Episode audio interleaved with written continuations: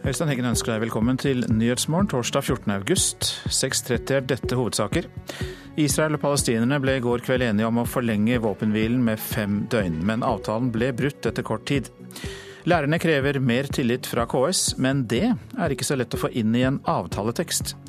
Vann i mange kjellere i Vestfold. Vi skal eh, høre med brannvesenet i Horten hvordan de hjelper til nå. Og så eh, skal Kunsthøgskolen lære studentene å tjene penger, for det har ikke alltid vært så lett. Du lærte å være utøvende på en måte og gjøre ting, men du lærte ikke det å, å overleve som kunstner. Det, det var lite fokus på. Billedkunstner Joakim Kaase. Israel og palestinerne ble i går kveld enige om å forlenge våpenhvilen med fem døgn.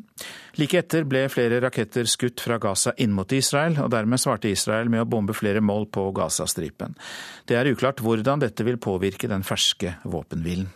I tre dager har det vært stille på Gazastripen, mens palestinere og israelere har forhandlet i Egypt. Bruddene på våpenhvilen skaper redsel for at krigen skal blusse opp igjen.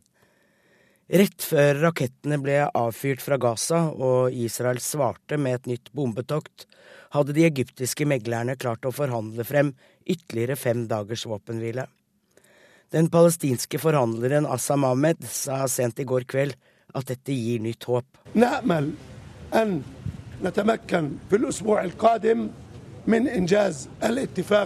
I ukene som kommer håper vi å kunne forhandle frem en avtale. En avtale som får støtte både i regionen og internasjonalt, sier den palestinske forhandleren Assam Ahmed. De vanskelige punktene i forhandlingene er ifølge ham å sikre Israels sikkerhet på den ene siden og heving av blokaden på Gazastripen på den andre. Men det var altså rett etter at avtalen om forlenget våpenhvile ble inngått at begge sider startet krigingen igjen. De neste dagene vil vise om den utvidede våpenhvilen holder, og om det kan være håp om en varig løsning. Reporter Anette Groth. I formiddag møter lærerorganisasjonene og KS hverandre igjen hos Riksmekleren. Lærerne har ett svar på hva de må ha på plass før de kan akseptere en ny avtale med KS. Og det er mer tillit til lærerne. Men hvordan skal de få tillit inn i en avtaletekst? Det er et vanskelig spørsmål. Ja, Det er nettopp det som er veldig vanskelig, og egentlig et veldig godt spørsmål. Det sier Tone Stangnes Gjerstad, leder i Utdanningsforbundet i Hedmark. I dag møter lærerne igjen KS hos Riksmekleren. Utdanningsforbundet har store utfordringer. Ei er hvordan de skal få tillit inn i en avtaletekst. Ei anna er hvordan de skal vite at en ny avtale er god nok til at kritiske lærere aksepterer det. NRK har snakka med alle fylkeslederne i Utdanningsforbundet og flere medlemmer som var i opposisjon til forbundsledelsen i vår. Vi har spurt hva som skal til for at lærerne skal akseptere en ny avtale. Alle vi har snakka med, drar fram dette ordet i svaret sitt. Tillit. Tillit. Tillit. Men hva betyr det konkret? Et punkt er åpenbart for de fleste. Punktet om bunnen arbeidstid på skolen 7,5 timer hver dag må bort. Her er Lisbeth Strikkert, fylkesleder i Sør-Trøndelag. Det er klart at det er et sånt punkt som må helt ut og vekk. Men lederen i Utdanningsforbundet har samtidig sagt at dette dreier seg om mer enn de sju og en halv timene. Hva mer som skal til, får NRK ulike svar på, og mange synes det er vanskelig å konkretisere bedre tillit. Ord i en tariffavtale skal jo tolkes. Men her er det altså avtaletekst. Hvordan kan en konkretisere at en eh, gir lærere tillit, da?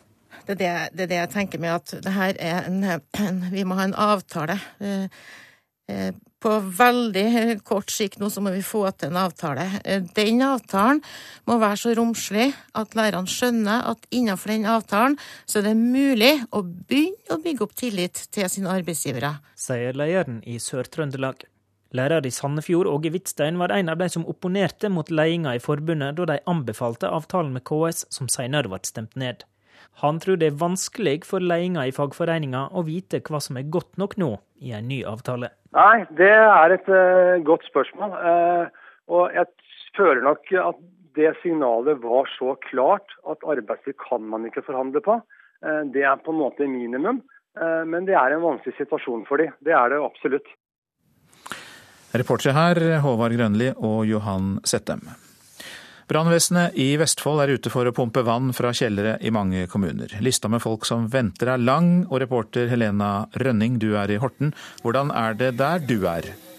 Du, jeg står i et nabolag i Horten her, og brannvesenet er her og pumper vann ut av kjelleren til eh, til Kim Røsland, og her kommer det naboer gående som rister på hodet og også har fått vann i kjelleren.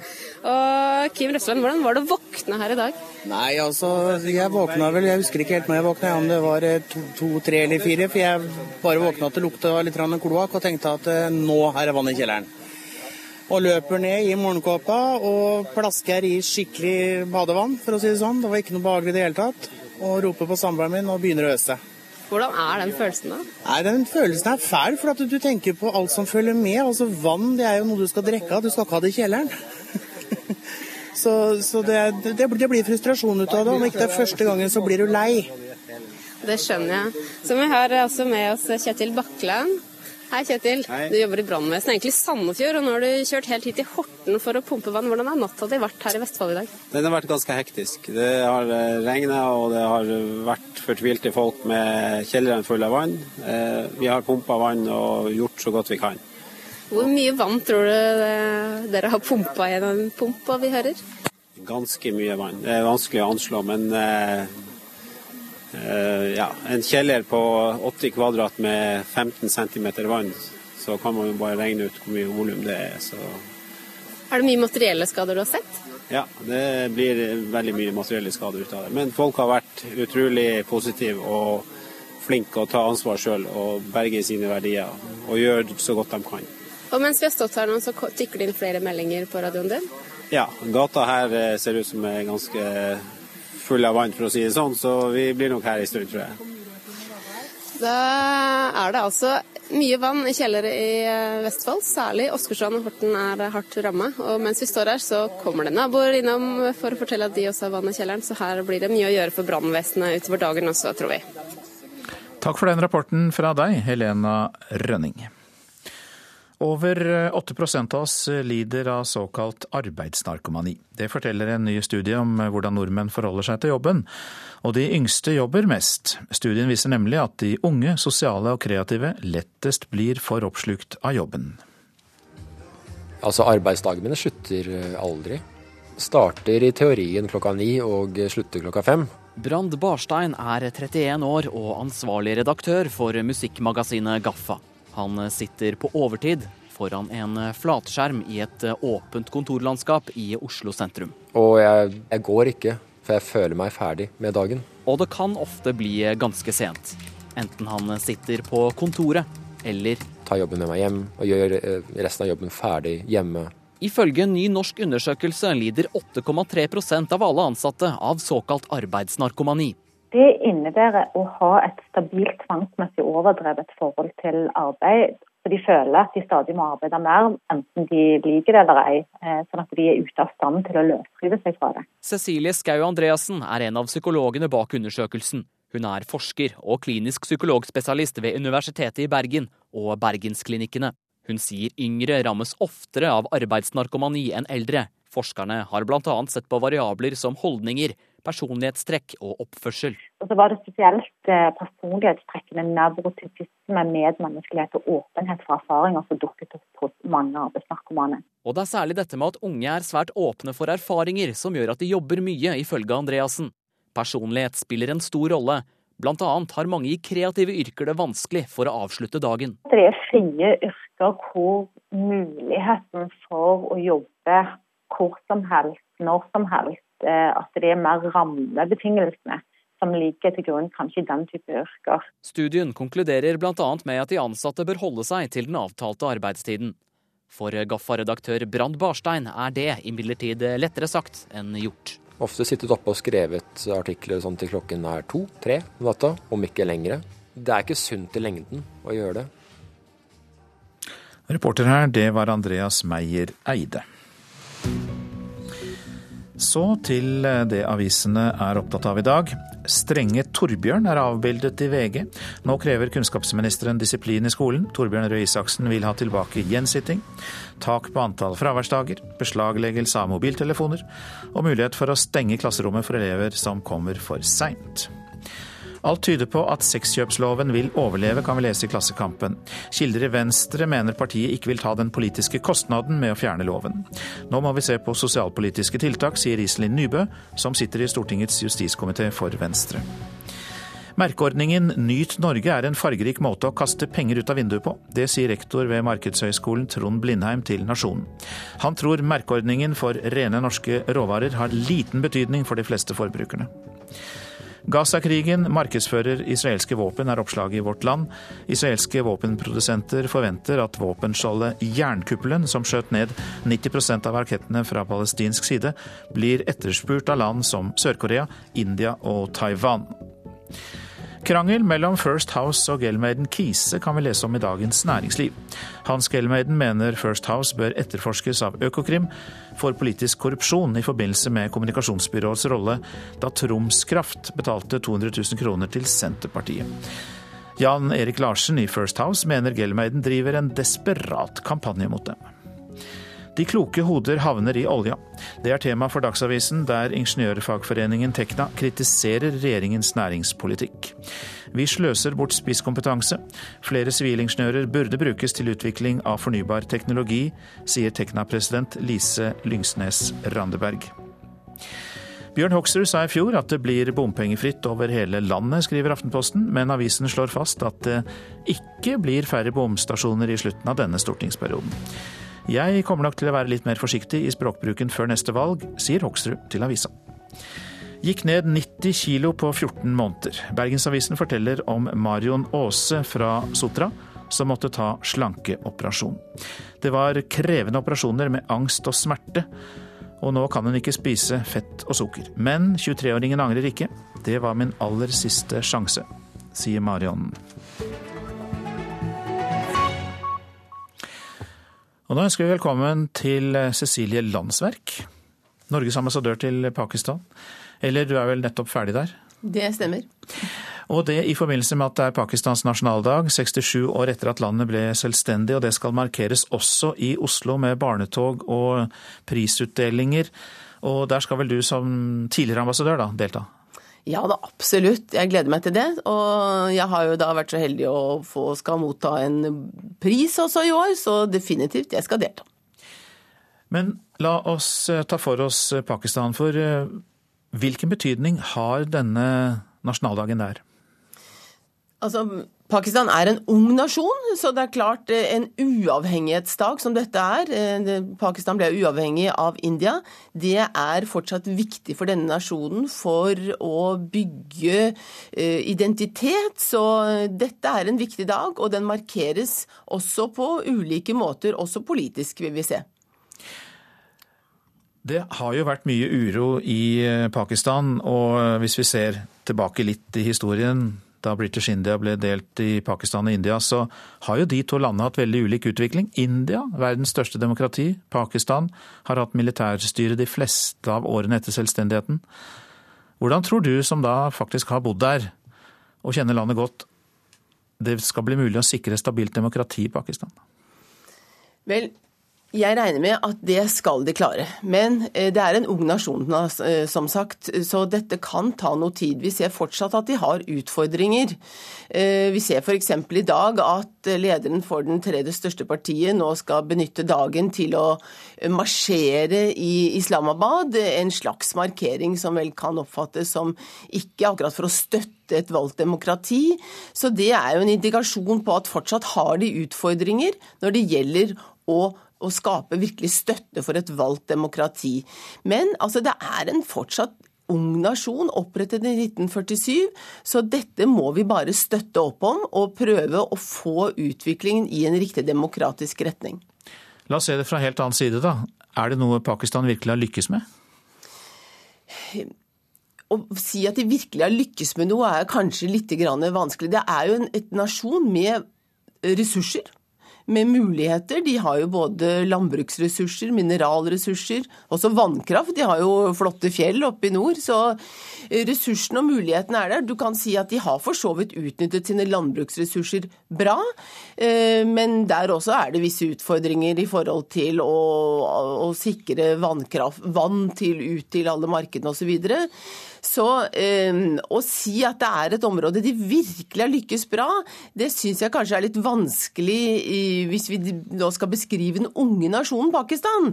Hvis vi går historisk sett, så vil vi jo se at dette er en kultur som er eh, like gammel som den egyptiske, kanskje enda eldre. Så er, de har mye å trekke på av kulturelle ressurser. Men eh, ja, de har store utfordringer i nåværende nasjon. Og så skal vi da ikke glemme det du nevnte så vidt, at du får brobyggerprisen av denne komiteen som arrangerer nasjonaldagsfeiringen i Oslo. Den får du for å ha minsket avstand mellom Norge og Pakistan. Hvordan gjorde du det? Ja, altså du kan si Det er jo litt jobben min, men jeg syns jo det, det, har vært meningsfylt å jobbe sammen med det norsk-pakistanske miljøet. Øh, og stille opp for dem når de også stiller opp for sitt øh, gamle land, hvis man skal si det sånn. Så jeg har hatt god kontakt med dem, og det syns jeg har vært meningsfullt meningsfylt arbeid. Det er klart, Vi driver jo også mye annet arbeid som ambassade i forhold med, med bistand osv., som også kan kalles brobyggerarbeid. Det er nå en ambassades rolle. Og nå drar, du til Island, det får vi snakke om i et annet program. Absolutt. Takk skal du ha. Cecilie Landsverk, avtroppende ambassadør til eh, Pakistan. Du lytter til Nyhetsmorgen. Klokka passerte nettopp 6.46. Dette er hovedsaker. Israel og palestinerne ble i går kveld enige om å forlenge våpenhvilen med fem døgn, men avtalen ble brutt etter kort tid. I formiddag møter lærerorganisasjonene KS hverandre igjen hos Riksmekleren. Lærerne krever mer tillit fra KS. Men eh, det er ikke så lett å få inn i en avtaletekst. Og vi har hørt at mange av oss lider av arbeidsnarkomani. Det er de unge, sosialt engasjerte og kreative som lettest blir for oppslukt av jobben, viser undersøkelse.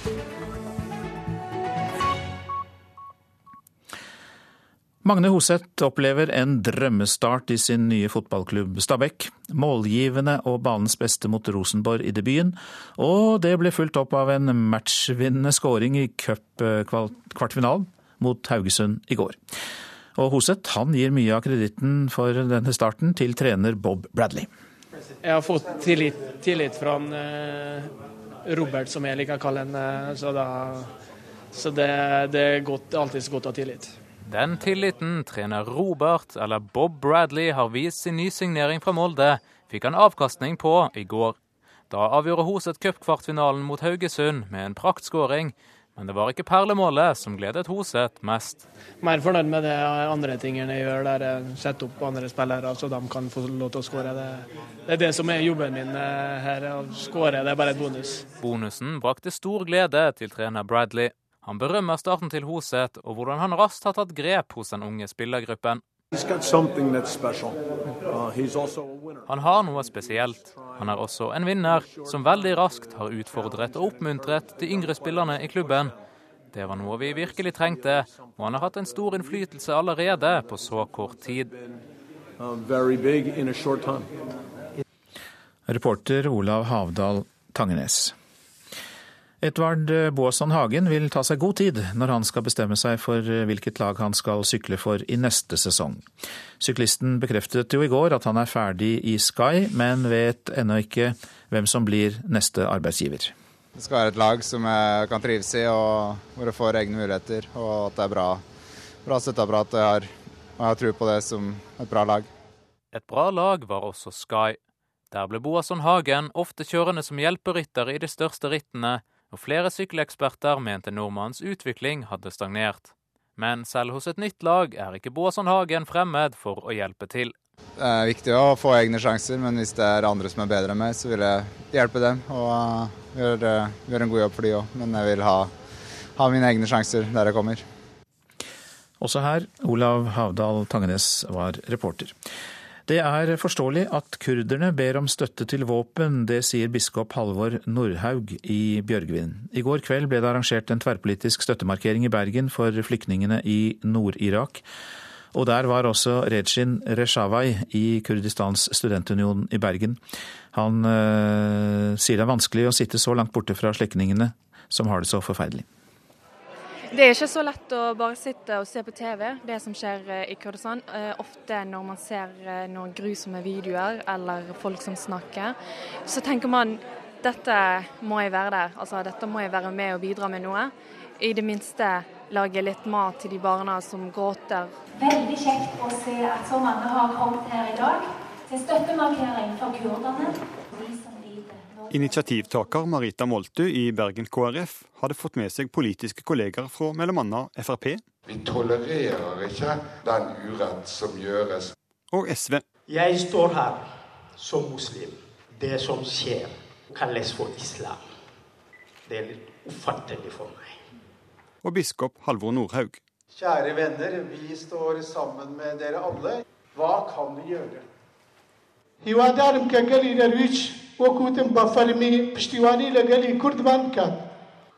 ber alle som er samlet her, om å sende humanitær støtte til jezidi-kurdere som er på flukt, som har mistet alt.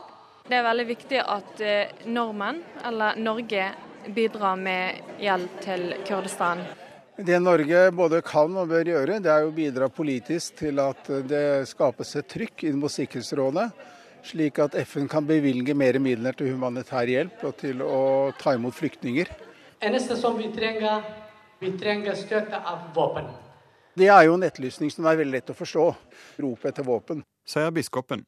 Jeg er selv ingen pasifist. Men jeg tror ikke det er Den norske kirkes oppgave her å ytre seg til støtte for en militær aksjon inn i, inn i dette området. Men jeg registrerer ønsket om militær hjelp fra kurderne, og jeg forstår det. Bakhtiar Sebari har daglig kontakt med familien i heimbyen i Nord-Irak. De er ikke redde, men de er sliten, Veldig, veldig sliten. Vi har masse, massevis flytninger der nede. Veldig, veldig, veldig vanskelig. Kurderne som var til stede her, de har uttrykt veldig sterkt at det var godt at så mange nordmenn var til stede her. Og de merket denne varmen som vi kan gi til dem.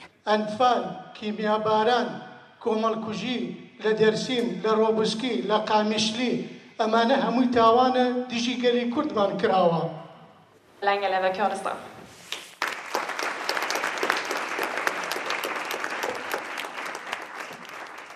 Og reportasjen var laget av Leif Rune Løland. Et uh, nytt studium ved Kunsthøgskolen i Oslo skal lære studentene å bli rike på kunsten sin. Nødvendig med en realitetsorientering, mener kunstforsker. Så, så sånn ser det ut her. Det er veldig mye bilder overalt. Billedkunstner Joakim Cossé viser fram et lite atelier på Oslos østkant. Langs veggen står ferdige malerier innpakka i plast. Her står det ting som er på en måte mer eller mindre ferdig, og ting som jeg lagrer. da som jeg ikke har solgt. Ehm, det er en del av det for tida. Og nettopp derfor har KC søkt og fått plass på et nytt studie ved Kunsthøgskolen i Oslo. Et studie som har en relativt tydelig tittel. Videreutdanning i entreprenørskap. Hvordan bli rik på din kunst, også økonomisk. De 21 studieplassene på den nye utdanninga ble raskt fylt opp, og flere titalls kunstnere står nå på venteliste for å lære mer om bl.a. markedsføring, søknader og økonomi. Det forteller prosjektleder Siren Kjøtta ved Kunsthøgskolen i Oslo. Eh, det har vært stor interesse for å lære mer, det er helt tydelig. Etter endt utdanning så skaper flertallet av Kunsthøgskolen i Oslo studenter sin egen virksomhet som selvstendige kunstnere og designere. Dvs. Si at de ikke går ut i en ansettelse.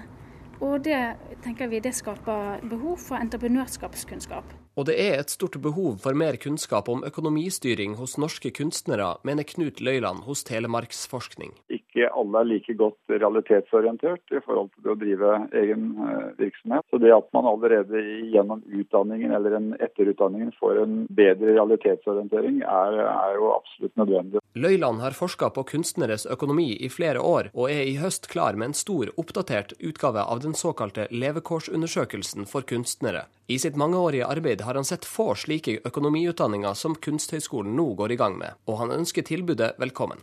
Jeg syns det høres ut som en, eh, en, god ting. Dette her er på en måte tegninger eh, med pensel. Og tilbake hos billedkunstner Joakim Cossé får vi høre at han har lært lite om økonomistyring, til tross for totalt syv års kunstutdannelse fra forskjellige skoler. Du lærte å være utøvende på en måte og gjøre ting, men du lærte ikke det å, å overleve som kunstner. Det, det var lite fokus på. Vi kom inn på et galleri ganske tidlig etter at jeg var ferdig på, med utdannelsen. Og så for halvannet år siden, eller to år siden så la de ned. Eh, og så har jeg hatt, vært så heldig at jeg har hatt stipender. Og nå jeg da, fikk jeg ikke stipend i fjor, altså i det året her. Da. da sitter jeg i en situasjon som jeg på en måte ikke er helt vant til å være i. Reporter det var Martin Hotvedt. Landets eh, første utdanning for profesjonelle dataspillere ved Buskerud folkehøgskole fikk nesten 350 søkere. I dag så er det 30 000 nordmenn som er med og konkurrerer i dataspill, og ved Buskerud folkehøgskole så forbereder de seg nå på å ta imot de 15 nye heldige elevene som skal utdannes i det som kalles e-sport.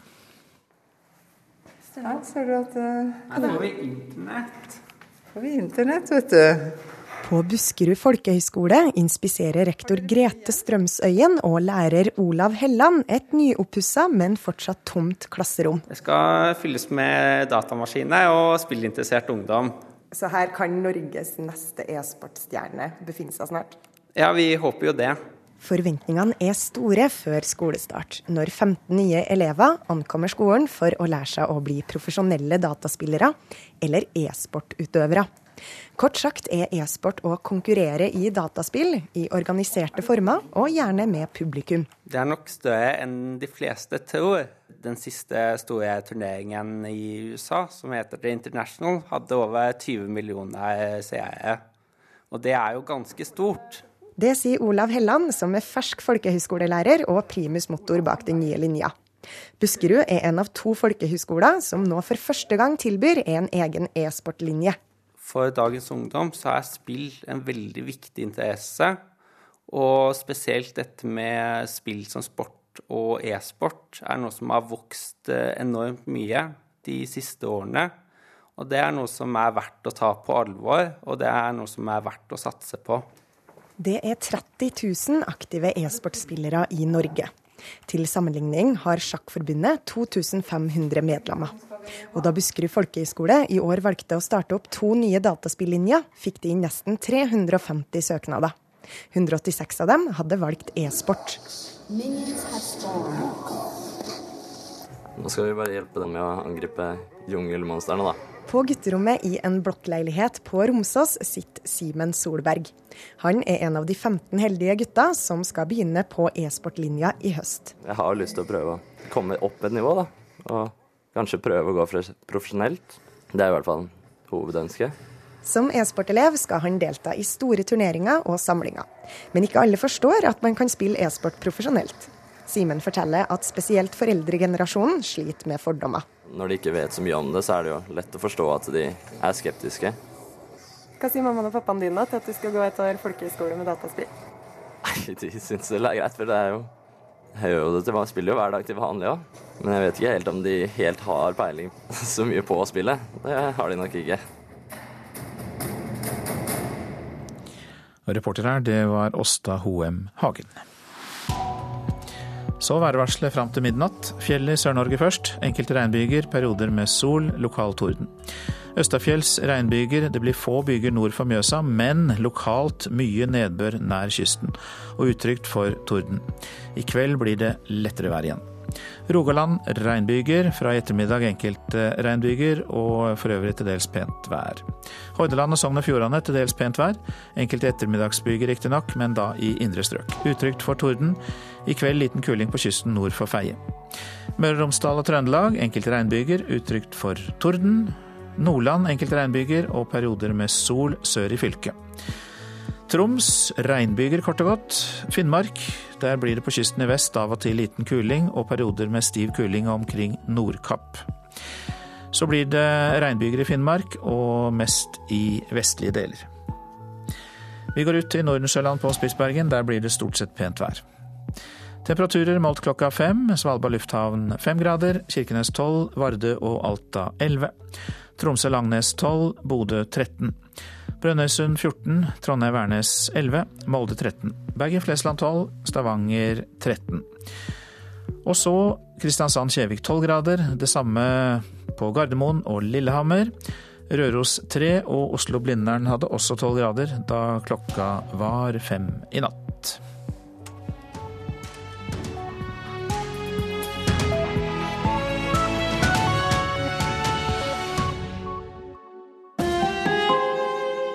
Hør ekko.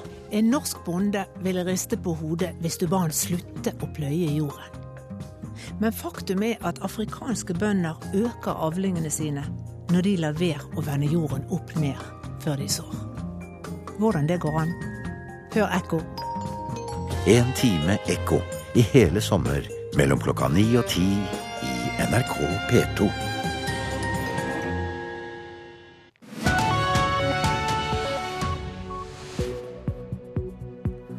Og her fortsetter Nyhetsmorgen, og du får høre mer om hvor godt, godt forberedt eller dårlig forberedt vi er på ekstremvær, og den siste partipolitiske meningsmålingen vi hørte om i Dagsnytt. Men også de siste ukene har ukrainske regjeringssoldater tatt tilbake flere byer som har vært holdt av opprørerne. Det er landesorg i Brasil etter at presidentkandidat omkom i flystyrt. Nå er du flink til å levere glassflasker til resirkulering. Det du ikke vet, er at flaskene flere steder i landet bare graves ned. Ja, som vi hørte i Dagsnytt, Kommune-Norge er ikke forberedt på å takle det ekstremværet som kommer i framtida. Det mener altså Røde Kors, som har fått NVE og Meteorologisk institutt til å se på effekten av klimaendringer her i landet. Dobbelt så mange ekstreme nedbørsdager vil føre til mer flom, men beredskapen for å hjelpe innbyggerne i flomrammede områder er ikke til stede. Det er lyden av vann som herjer med den lille bygda Kvam i Nord-Fron kommune. Det er mai 2013, og det er flom flere steder på Østlandet. Enorme vannmengder presset seg fram, ødela veier og gjorde hus og hjem om til en slagmark. Det var en kaotisk situasjon. Olav Røssum er ordfører i Nord-Fron kommune. To år før, i 2011, ble også Kvam hardt rammet av flom. Da var beredskapen langt dårligere, sier Røssum. Det som mangla i 2011, var nok først og fremst rutiner som gikk på bistand på evakueringsmottaket. Sørge for at folk fikk mat og eh, ei varm seng å ligge i. han sier kommuner er avhengig av god hjelp fra frivillige beredskapsorganisasjoner, men i 2011 ble ikke disse varslet fort nok. Hjelpearbeidet kom sent i gang pga. dårlig planverk. Det kunne gått så mye verre, sier Røssum. Og det er klart, I en gitt situasjon så kan det få alvorlige konsekvenser, f.eks. For fordi evakueringa ikke går godt nok. De eh, sørga for at folk kom seg ut av husene sine gjennom eh, rådende vassmasser. Det kunne være folk som hadde behov for eh, varme, som var nedkjørte. Så det er en del slike kritiske situasjoner der kommunen ikke har noe eget apparat. En ny rapport som NVE og Meteorologisk institutt har utarbeidet for Røde Kors, viser at det vil bli langt mer ekstremvær i årene som kommer. Men kommunene er ikke forberedt til å takle dette, mener generalsekretær i Norges Røde Kors, Åsne Havneli. Tre av ti kommuner som mangler varslingssystemer opp mot den frivillige beredskapen. Og at det bare er halvparten av kommunene som faktisk trener og øver i beredskap sammen med de frivillige. Langt fra bra nok, mener Havneli. Én av fire kommuner har verken skriftlig avtale eller varslingsrutine med beredskapsorganisasjoner. Så er vi bekymra fordi det er for mange kommuner som ikke har det. Og ofte er det da at noe må skje før man faktisk setter seg ned. Ytterste konsekvens er jo tap av liv. Eh, for det er de første minuttene i, som, som, er helt avgjørende. Eh, det er da man kan få folk ut av et ras, et jordskred. Eh, man kan få evakuert mennesker. Eh, vi så i Lærdal eh, så var det en stor evakuering av samtlige i hele Lærdal sentrum, som bidro til at ingen liv gikk tapt. Og da var det jo nettopp samspillet mellom redningsetaten, mellom kommunen og mellom den frivillige beredskapen. Etter flommen i 2011 evaluerte Nordfron hjelpearbeidet. Bedre planverk var på plass i 2013. Det fungerte bedre. Mine tanker omkring det at det mangler hos så mange kommuner, det er at de kommunene bør det, få det på plass så fort som råd. Reportere her Ellen Omland og Ida Anna Haugen. Og I Vestfold så har mange nå i morgentimene bedt om hjelp fra brannvesenet for å få pumpet vann ut av kjellerne. Særlig er innbyggerne i Åsgårdstrand og Horten rammet. Og det er sendt ut obs-varsel om mye nedbør på Sør- og Østlandet det neste døgnet. Harald Danielsen, god morgen til deg. God morgen. Du er rådmann i Arendal og leder av rådmannsutvalget i kommunenes organisasjon KS, og er da med oss fra studio i Arendal. Og Hva syns du om det vi hørte her, at eh, tre av ti kommuner ikke har rutiner for varsling av frivillige beredskapsorganisasjoner? Jeg var faktisk litt imponert over at sju av ti har det. Eh, det betyr at eh, kommunene har sett at de frivillige organisasjonene har mye å bidra med i krisesituasjoner, og har kjent at når krisa er der, så skal kommunen drives, og i tillegg så skal den håndtere det ekstraordinære. Da trengs det mange folk. Og eh, de hendelsene som har vært de senere åra, har åpenbart brakt en økt bevissthet om at frivillige organisasjoner er en ressurs. Hvordan eh, forhold har du til de frivillige organisasjonene i dette arbeidet i Arendal? Jeg har hatt en erfaring der jeg har sett hvor viktig det kan være å ha flere å spille på i et ekstremt snøvær som vi hadde for noen år siden, mm. hvor alt lå nede av infrastruktur. Og, og, da var det utrolig viktig og nyttig å ha Røde Kors spesielt å spille på. Ja, og det er Røde Kors som eh, har eh, legger fram denne rapporten. Er du enig med Røde Kors i at det er alvorlig at flere kommuner, selv om du er glad for at sju tross alt har den type beredskap, så kan du vel kanskje være enig med Røde Kors i at alle bør ha det? Ja, de senere åra så har kommunene gjennomført risiko- og sårbarhetsanalyser eh, i mye større utstrekning enn tidligere år. Og en skal jo ta høyde for at eh, kommunene er forskjellige. Det norske land er ganske mangfoldig når det gjelder topografi og væreksponering.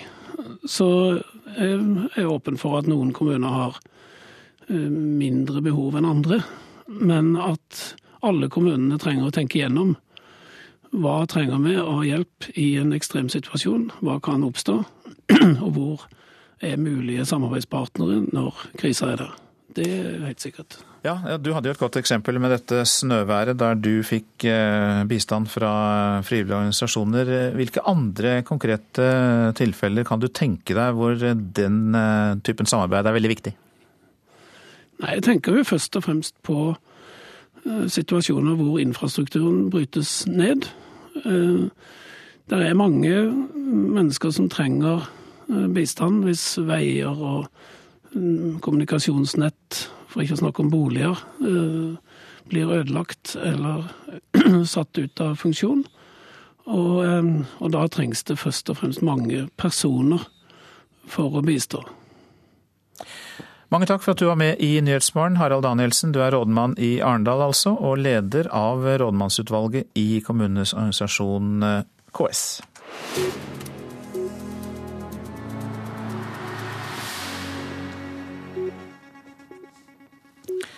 Ett år etter at Norge fikk ny regjering, er det fortsatt de borgerlige partiene som har flertall. Det viser Norstats partimåling for august, utført for NRK.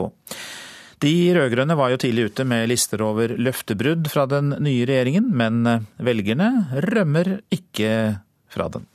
Mandatberegning, hvor ser vi den nå? Den er der. Ti. På kontoret til Senterpartileder Trygve Slagsvold Vedum studeres NRKs partimåling. Det er veldig tidlig i perioden. Og så ser vi jo at det er velgerforflytninger. Og nå er regjeringa avhengig av to partier i Stortinget for å få flertall. I fjor var den avhengig av ett parti. I forhold til valgresultatet skrumper forspranget til regjeringa inn, men eh, sammen med Venstre og KrF har de fortsatt flertall. Hvorfor det, Arbeiderpartileder Jonas Gahr Støre? Det dette viser etter ett år, er at det er mindre forskjell mellom blokkene. Andre målinger viser at det er enda mindre forskjell. Eh, og jeg tror at det gir en, en, en, fornyet energi i debatten ved å si at eh, det også ikke skal veldig mye til for at det kan dannes et annet flertall. Arbeiderpartiet, SV og Senterpartiet var tidlig ute med å anklage den blå regjeringa for løftebrudd. De lista opp alt fra egenkapitalkravet til barnehageopptak og nynorskeksamen. Slagsvold Vedum holder fortsatt fast på løftebruddsretorikken. Over tid så er det den langsiktige politiske linja for du ser Fremskrittspartiet har ikke fått gjort noen ting når det gjelder det de lovde på bompenger. Altså det er jo mer bompengeinnkreving i år enn det var i fjor. Det har aldri vært høyere drivstoffpriser enn det er i år. Eh, så har de kjørt fram en del sånne symbolsaker. Men over tid så vil jo FrPs velgere se at de fikk jo ikke det de sa de skulle få. For det første så er det regjeringsplattformen denne regjeringen styrer på. Og vi har vært helt eh, overtydelig fra Fremskrittspartiets side også på at vi ikke har fått gjennomslag for hele vårt partiprogram i den plattformen. Men det er direkte feil når han hevder at vi har økt drivstoffprisene. Det har vi ikke gjort.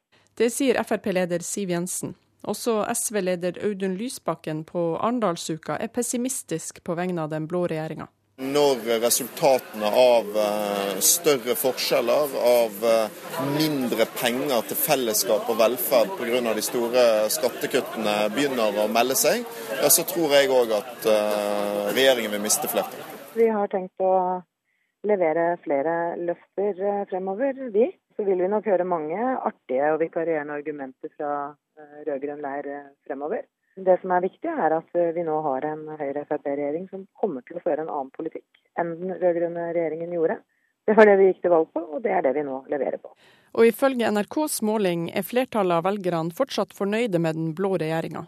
Mens Jonas Gahr Støre er opptatt av at forspranget til regjeringa har skrumpa inn med seks mandater. De tallene dere viser, er altså at avstanden er minsket med seks på ett år. Eh, og holder vi den takten, så får vi jevne blokker eh, i god tid før valget. Men her vil alle med full rett kjempe for å øke oppslutningen om sine partier, så ingenting er gitt. Det blir en eh, tøff kamp. Ap-leder Jonas Gahr Støre til reporter Eva Marie Bulai. Magnus Takvam, du er politisk kommentator i eh, NRK.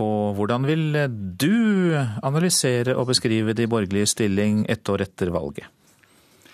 Det er i hvert fall ikke snakk om noen velgerflukt. Eh, det er en marginal tilbakegang eh, for eh, de borgerlige partiene.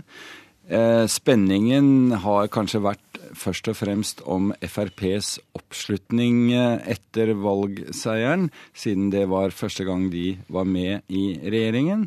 Og etter en, si, en liten bølgedal så, så virker det som om også Frp har kommet litt tilbake og stabilisert seg på et nivå rundt 15% mot rundt 16% i valget.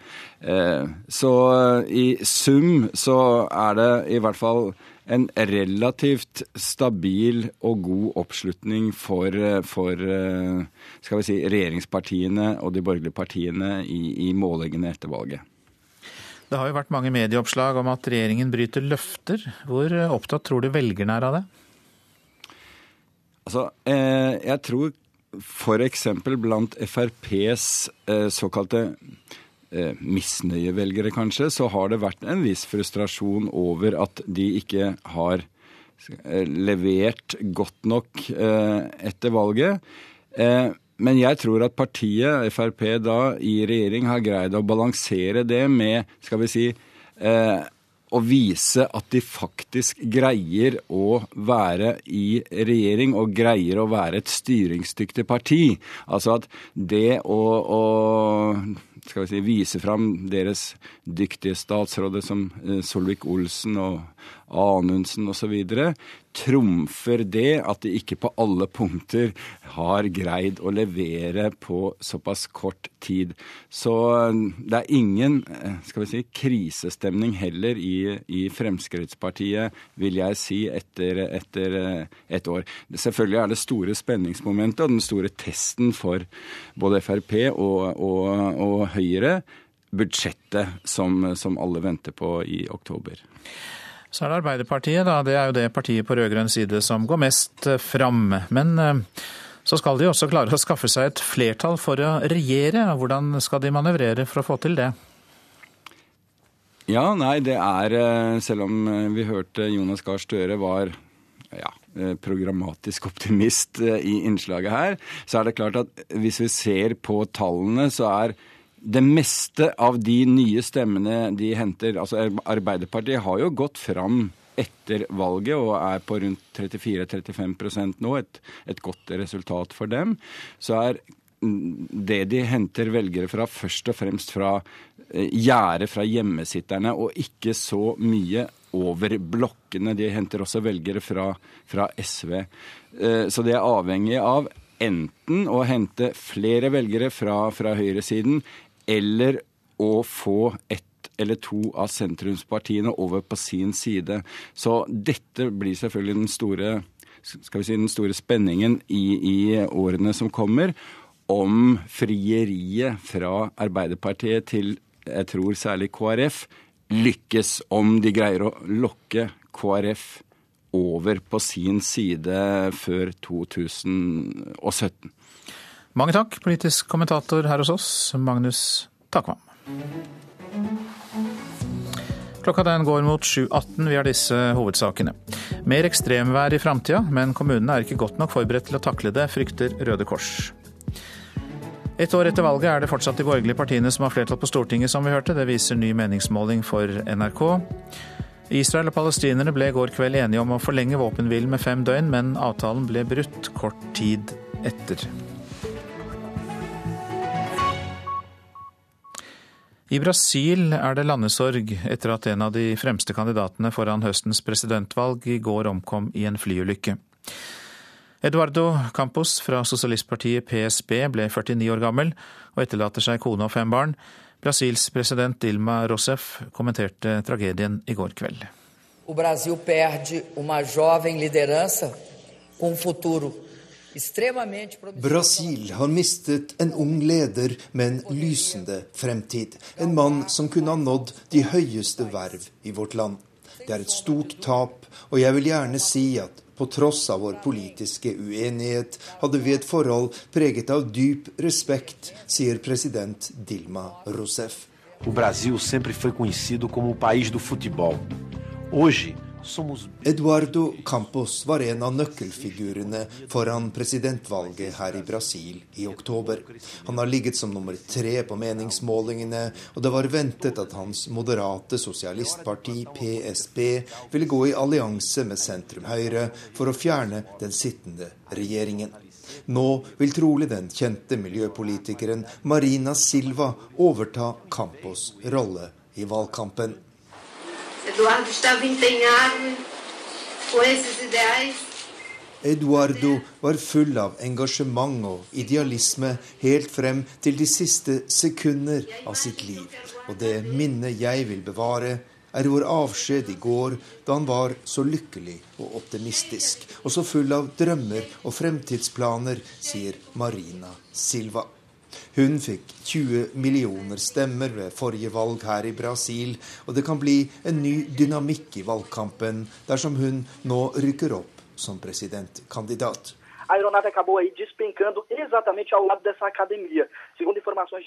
Denne tragiske flyulykken i går ettermiddag har gjort et voldsomt inntrykk på brasilianerne, og det er fra i dag av innført landesorg her i Brasil.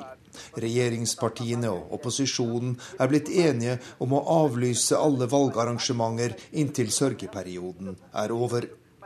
Alle sju om bord omkom da småflyet med presidentkandidat Eduardo Campos styrtet i byen Santos.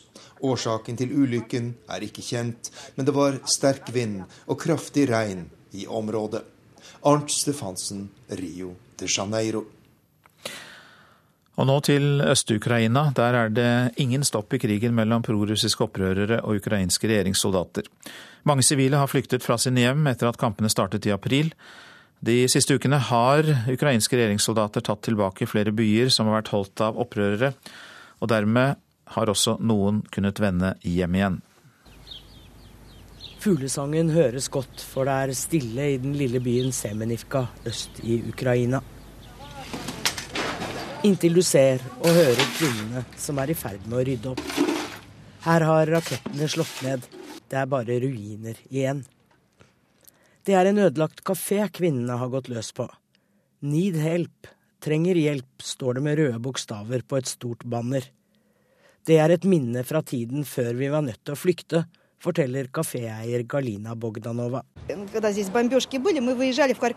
Da bombardementet startet, dro vi av gårde, men etter at den ukrainske hæren jaget bort de prorussiske opprørerne, begynte vi på hjemveien. Først var vi sjokkerte, nesten hysteriske, da vi kom tilbake, men nå har vi brettet opp ermene. For vi kan ikke vente på at noen skal hjelpe oss. Vi er alle arbeidsløse likevel. Her må vi trå til selv. Galina og hjelperne hennes jobbet alle på kafeen. De er slett ikke pur unge, men de arbeider hardt for igjen å skape seg et levebrød. Alle må hjelpe hverandre, forteller de til teamet fra nyhetsbyrået Reuters som besøker dem i den lille byen. Vi har ingen tid å miste, sier kaféeier Galina. Jeg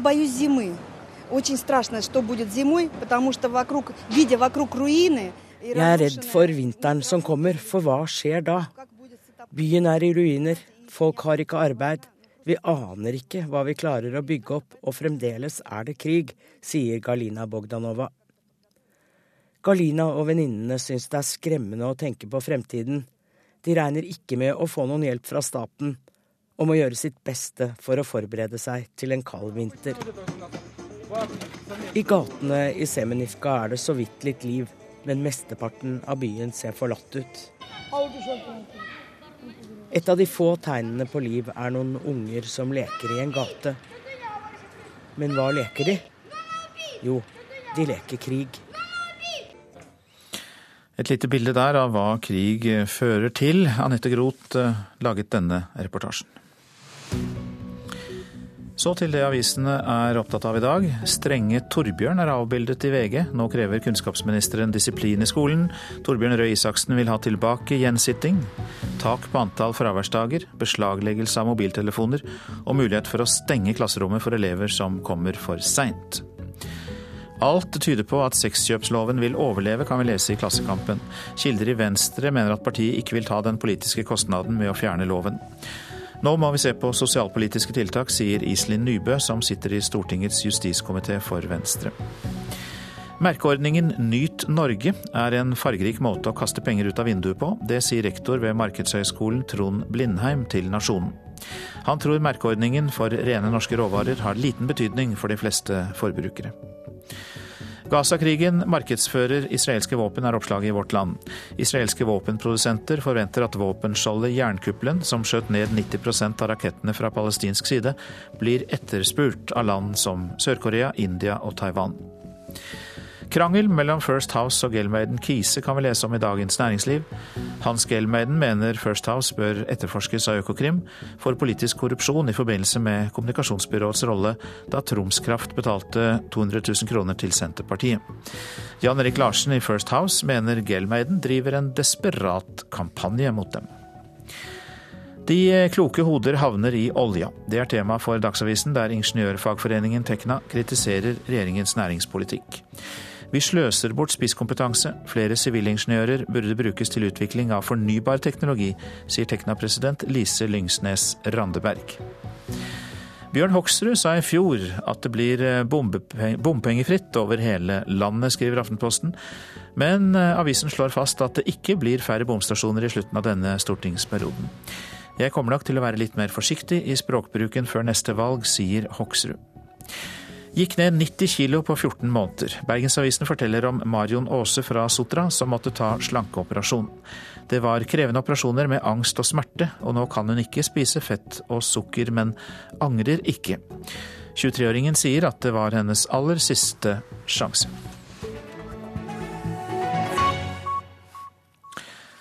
Mange av oss eh, tar flittig vare på glassflasker for å levere dem til gjenvinning. Årlig fylles containere med tonnevis av glass.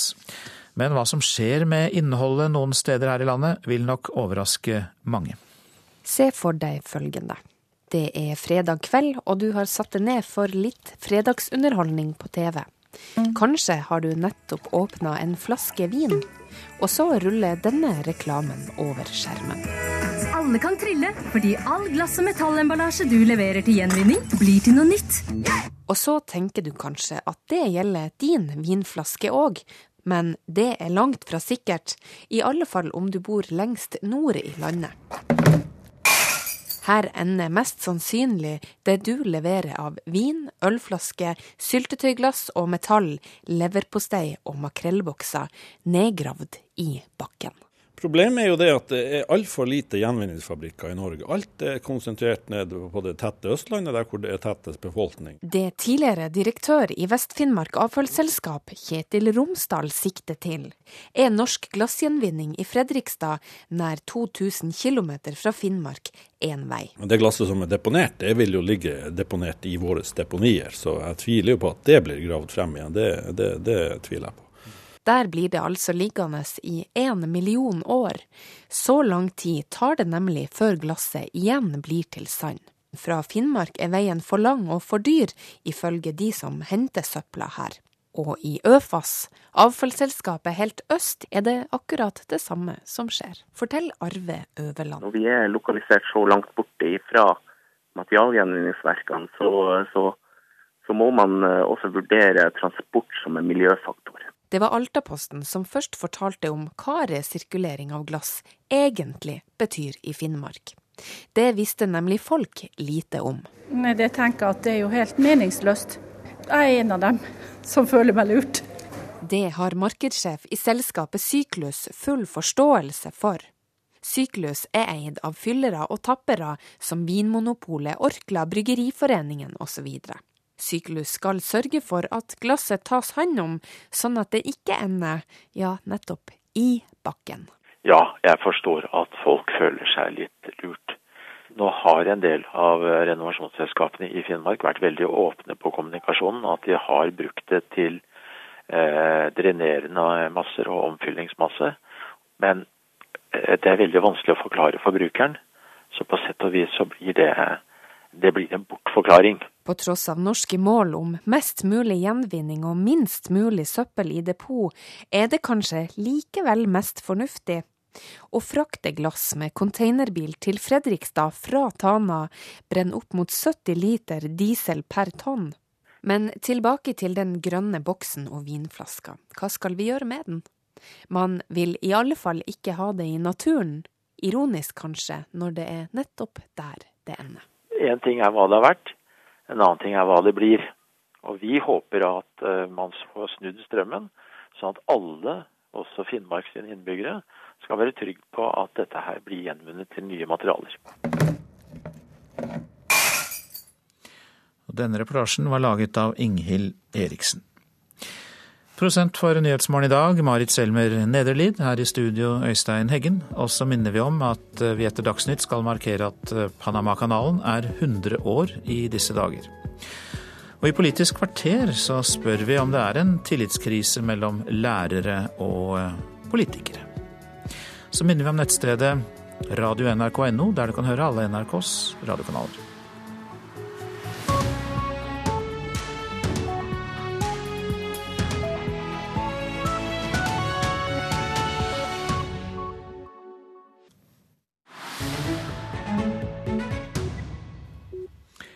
Dette er Nyhetsmorgen. Panamakanalen fyller 100 år i morgen. Den 15. august 1914 seilte den første offisielle båten gjennom kanalen som forbinder Stillehavet med Atlanterhavet, der eh, Amerika er på det smaleste. Men drømmen om en sjøvei mellom østsiden og vestsiden av kontinentet er nærmere 500 år gammel. Joar Hoel Larsen holder dagens tale for jubilanten. Ever since the time of Columbus, men have dreamed of carving a sea passage through the jungles of Panama. Da den 38 år gamle spanske konkistadoren Vasco Núñez Balboa i 1513 skuet ut over et ukjent hav, ble det etter hvert klart at Columbus ikke hadde kommet til India, men at dette måtte være et nytt og ukjent land. Han var den første europeer som krysset dette nyoppdagede kontinentet, så det vi i dag kaller Stillehavet, og tok det i besittelse for Spania. Kolonimakten skjønte fort at det var på denne andre siden av den smale landtungen at det var mest å finne av interesse. De lette etter det mytiske gullandet Eldorado, og fant etter hvert enorme sølvforekomster i Potosi i Bolivia. Transporten fra Peru til moderlandet Spania var lang og tungvint. De måtte bytte båt og dra lasten over land. Tenk hvor enkelt det ville ha vært om de kunne ha seilt tvers igjennom. Drømmen om en vannvei ble født tidlig, og det var varetransport og handel, penger og fortjeneste som lå til grunn. Om lag 400 år senere ble kanalen bygget, og den ble, som BBC og mange andre har kalt den, et av verdens underverker.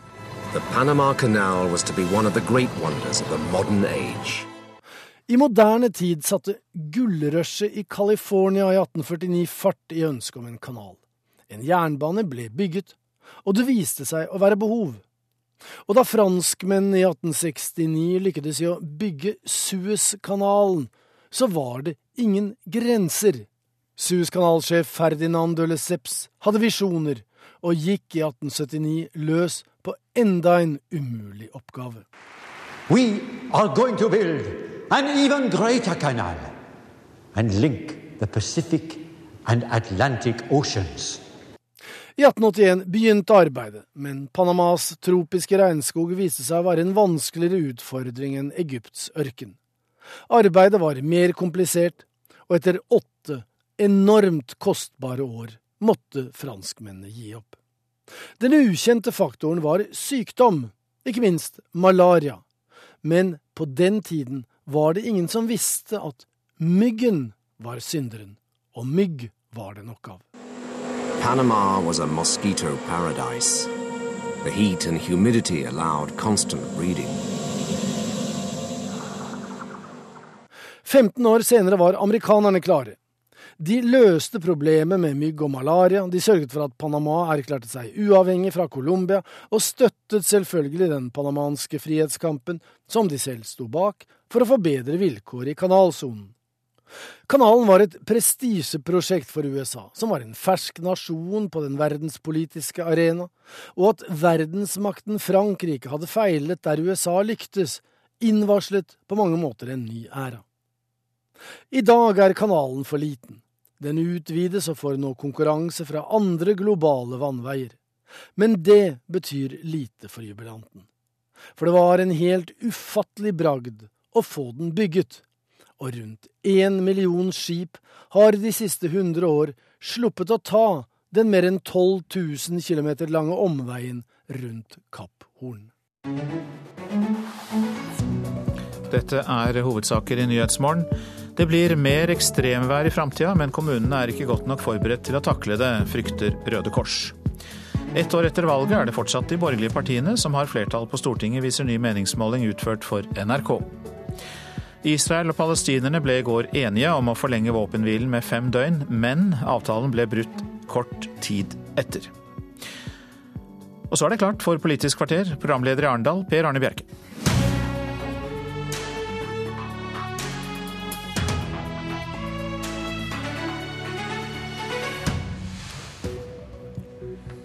Mens elevene skulle ha startet skoleåret, streiker lærerne. Har vi en tillitskrise mellom lærere og politikere? Og utdanner vi egentlig ungdommen til de jobbene samfunnet trenger? Det er klart for skolepolitisk debatt fra Arendalsuka.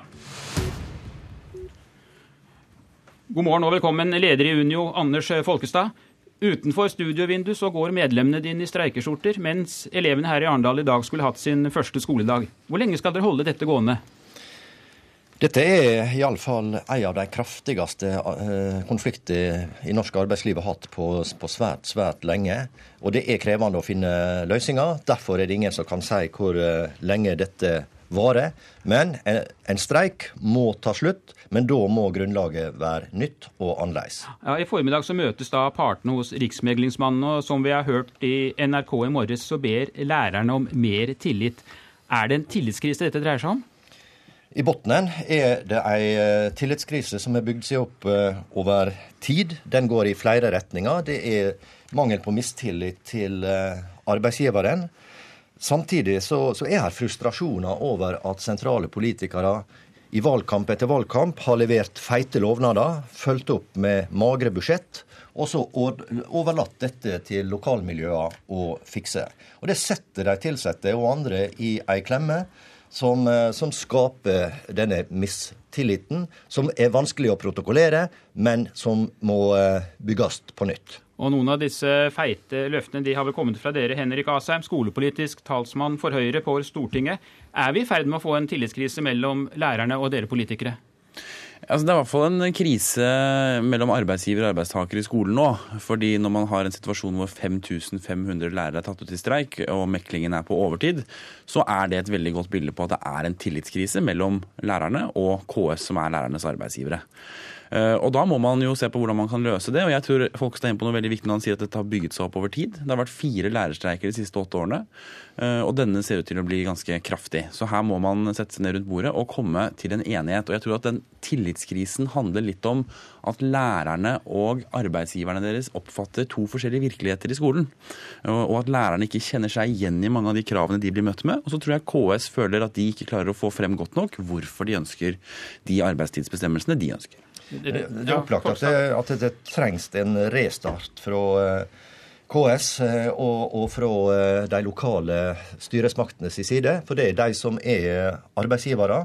Eh, men samtidig så er jeg sikker på at hvis en skal bygge tillit framover, så trengs det også ei sterkere nasjonal styring, der politikerne tar ansvar for sine egne lovnader og holder kommunesektoren litt sterkere i ørene, for å bruke et folkelig uttrykk. Ja, for, altså, for, KS opererer vel ikke et vakuum, og KS styres nå av Høyre. Hvilke signaler gir dere til deres partifeller i KS? Jeg må rette opp litt i det, for det er ikke sånn at Høyre styrer KS. Nei, men det er Høyre som har lederen, da. Ja. ja. Høyre har lederen, men det er alle partiene sammen som har gått om disse kravene. altså. Sånn at dette her er noe som alle kommunene som er medlem av KS gjør sammen. Men, men eh, det som, eh, som, vi gjør, og som jeg tror alle partiene gjør, at det er jo ikke vakuum mellom kommunepolitikerne og rikspolitikerne. Det kom jo frem også eh, forrige uke at kunnskapsministeren har hatt møte med KS-styret om dette for å få til en løsning. Så det er ikke sånn at man ikke snakker sammen. Men samtidig så er KS en legitim part i en arbeidstidsforhandling, eh, akkurat som Utdanningsforbundet er det. Nå er man i en så fastlåst konflikt at jeg også som stortingsrepresentant har uttalt meg om den konflikten for å forsøke å eh, komme til orden med det, og det har kunnskapsministeren også gjort. Ja, hva vil du si? Nei, altså Jeg mener at den situasjonen vi er i nå, hvor man hadde en avtale som 73% av lærerne stemte imot, så er det et signal man må lytte til. og Da har jeg ment at eh, både KS må se på sine krav om arbeidstid, og så må lærerne se hvordan de kan komme i møte med noe av det som KS tar opp. Men jeg har sagt at KS må jenke seg på noen av disse kravene. Ja, det, det, er tvingende nødvendig for i det hele tatt å finne en løsning. Protoko eh, tillit kan ikke protokolleres eh, slik at eh, det virker. Så, så, her er det arbeid på, på flere arenaer og flere fronter. Eh, den prosessen som, som, går med tanke på å få en ny avtale. Men det må også bygges politisk tillit, eh, som, som lærerne De må tro på det politikerne sier. Det gjør de ikke i dag, dessverre. Så, så her er det flere endringer som må til for å få ro.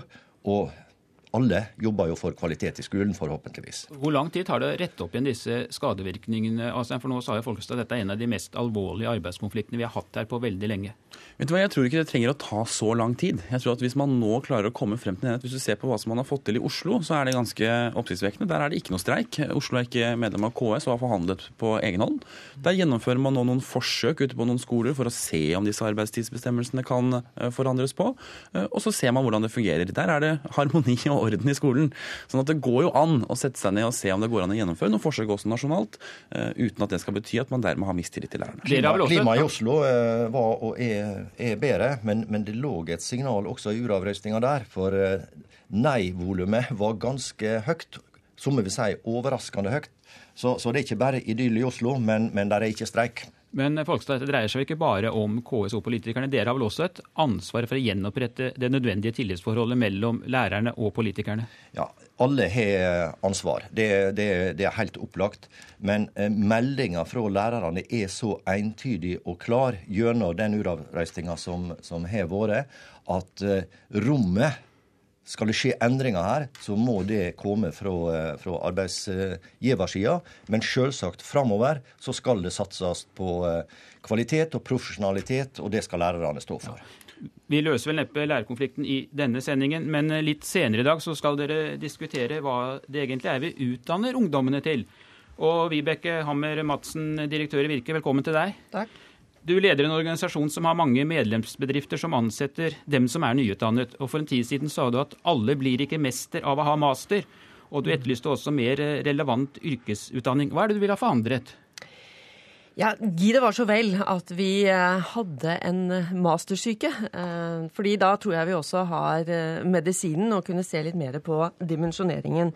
Men nå har vi fått en rapport som viser at seg at de som har gått ut med master, får jobber. Hvordan det hadde blitt i fremtiden, det er det vi er opptatt av. Og det som opprører meg mest, det er jo at vi har et utdanningssystem som definerer innholdet i utdanningen alene uten å sjekke ut hva samfunnet trenger. Næringslivet er ikke involvert. Vi har et betydelig stort eh, frafall. Og det er ikke slik at eh, man også under studiet er ute i praksis, så praksissjokket er stort. Ta bare f.eks. innenfor eh, bacheloren økonomisk administrativ tjeneste, som man skulle tro er veldig relevant for næringslivet. Der er frafallet på mer enn 37 Ja, da har vi feilet. Henrik Asheim, har vi lagt opp en utdanning som ikke er tilpasset de behovene som eh, medlemsbedriftene til eh, Hammer Madsen har? Jeg tror Hammer Madsen har et veldig godt poeng, og jeg tror at man skal se på hvordan både yrkesfagutdanningene på videregående skole kan få næringslivet inn på en mye bedre måte, og hvordan vi kan gjøre det i høyere utdanning. Men jeg er alltid, alltid litt skeptisk når noen sier det, fordi det er viktig også å si at utdanning er jo også noe allmenndannende. Altså jeg tror det er veldig farlig å si at utdannings, utdanningens eneste formål på en måte er å mate næringslivet eller offentlig sektor for den saks skyld med det vi trenger av arbeidskraft. Det er også bra at noen går på filosofi, selv om vi ikke trenger masse filosofer i fremtiden. For det er bra for et samfunn at mange er høyere utdannet. Sånn at, eh, sånn at det er et veldig viktig poeng de tar opp, men jeg vil bare advare mot å tro at det eneste vi skal gjøre med skole- og utdanningspolitikk, er å utdanne folk for næringslivet. Folkestad? Ja, det, det, siste er jeg helt enig med Asheim eh, i. Uh, utdanninga har flere formål enn direkte å mate næringslivet, som, som er, er, er hans uttrykk. Eh, det som, det som, virkelig undrer meg i, i, denne jeg tror jeg vil kalle arbeidsgiverkampanjen mot masterutdanning, det, det, er jo at en her prøver nesten å skremme ungdom fra å velge lang utdanning som de har lyst å ta, i tro på at det skal eh, få de flere til å velge yrkesutdanning, som vi helt opplagt trenger flere av, men som likevel, altså det er jo ikke alle som går inn i, eh, i masterutdanninga. Og som Vibeke sjøl sa, eh, de aller fleste får arbeid. Relevant arbeid. Ja, altså det vi er opptatt av, det er at vi må være ærlige overfor studentene og være tydelige på hva er det næringslivet og samfunnslivet trenger i fremtiden. Vi tror det er viktig at vi ikke blir så ensidig som det har vært nå, å snakke om masteret, men at vi må også snakke om relevansen i bacheloren.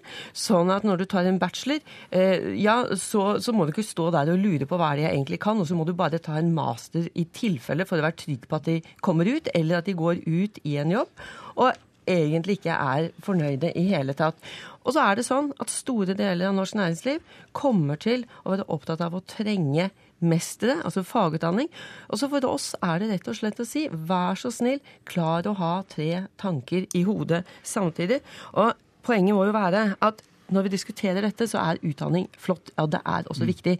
Men det må altså tjene et formål. Og så må vi være opptatt av, mener jeg, at samfunnet får ja. noe som de trenger. Henrik Asheim, er det egentlig yrkesutdanning som er problemet? At det er, det, det er den som må styrkes? Ja, den må ja. styrkes. Det er det aller viktigste. Og der gjør man ganske mye nå, men der kan man gjøre enda mye mer i samarbeid med næringslivet. Men som jeg bare sier, fordi jeg sjekket noen sånne stillingsutlysninger før denne debatten. Og både i offentlig og privat sektor så legger man ut f.eks. at må ha master. Men det står ikke hva du skal ha master i, men du må ha master. sånn at det er også greit å ta en prat med dine egne medlemsbedrifter og si at det å bare etterlyse master eller bachelorgrad uten å si hva den skal inneholde engang, det bidrar jo da til at veldig mange mange tar høyere utdanning for å ta høyere utdanning. Men, men hvis, eh, hvis, eh, bedriftene etterlyser eh, kandidater eller ansatte med mastergrad, så er det vel fordi de ønsker seg det. Og det er vel antakelig da ikke stillinger der det først og fremst er den yrkesfaglige kompetansen en, en jakter på. Så, så det er jo en illustrasjon på at det problemet Vibeke Madsen prøver å skape, ikke er så stort som hun og andre arbeidsgivere sier. Det er jeg enig i. Det er at her er svakheter ved dagens eh, bachelorutdanning.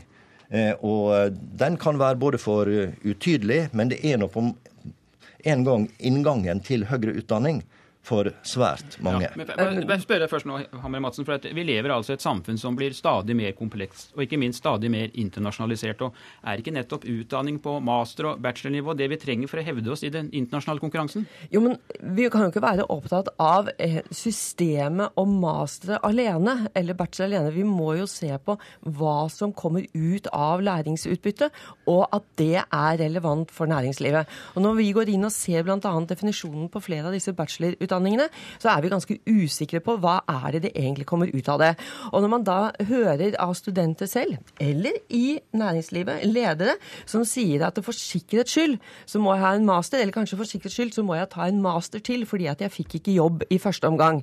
Da mener vi at det er noe galt med, med systemet, og at man ikke er opptatt av eh, relevansen i hva man men, har når man men, går ut. Men det kan jo hende at eh, noe av dette skyldes at næringslivet er upresise i sine for forventninger, og også at erfaring viser at næringslivet er en ganske dårlig til å spå om hva som trengs i uh, framtida.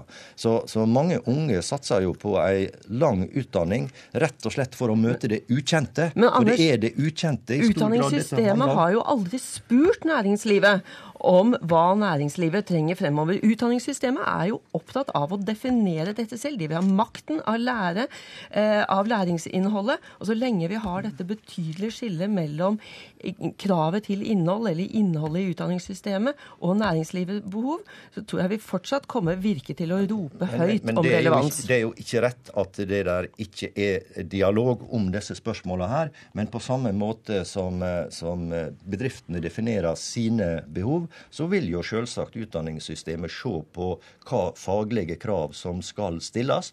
Men jeg er helt enig i at det må skje i en dialog med eh, næringslivet. Men næringslivet har en kjempejobb med sjøl å være tydelig og har så nær sagt lære av sine bommerter når det gjelder spådomskunst. Henrik Asheim, vær så god. Ja, nei, for jeg tror Noe av det som han Madsen tar opp som er et godt poeng eh, å merke seg, er jo at dette handler litt om kvaliteten på høyere utdanning også. Altså Hva er det vi fyller eh, bachelor- og masterutdanningene rundt omkring i landet med?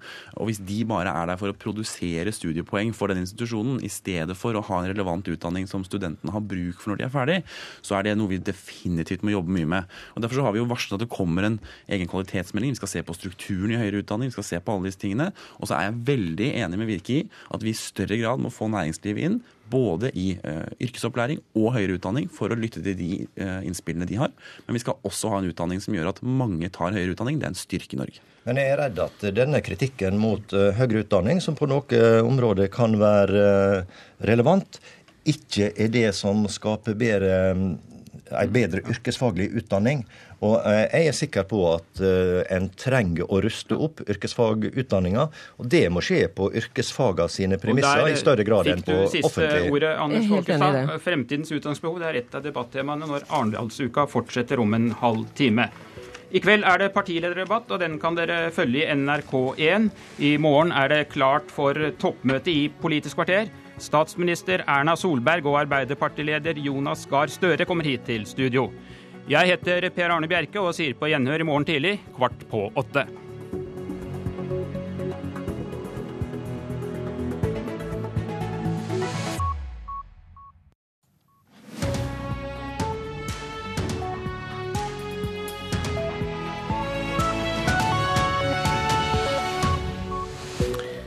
Dette er Nyhetsmorgen, og nå klokka 8.30 har vi disse hovedsakene. Det blir mer ekstremvær i framtida, men kommunene er ikke godt nok forberedt til å takle det, frykter Røde Kors. Fulle kjellere mange steder i Vestfold i dag, mer regn i vente. Og Israel og palestinerne ble i går kveld enige om å forlenge våpenhvilen med fem døgn, men avtalen ble brutt kort tid etter.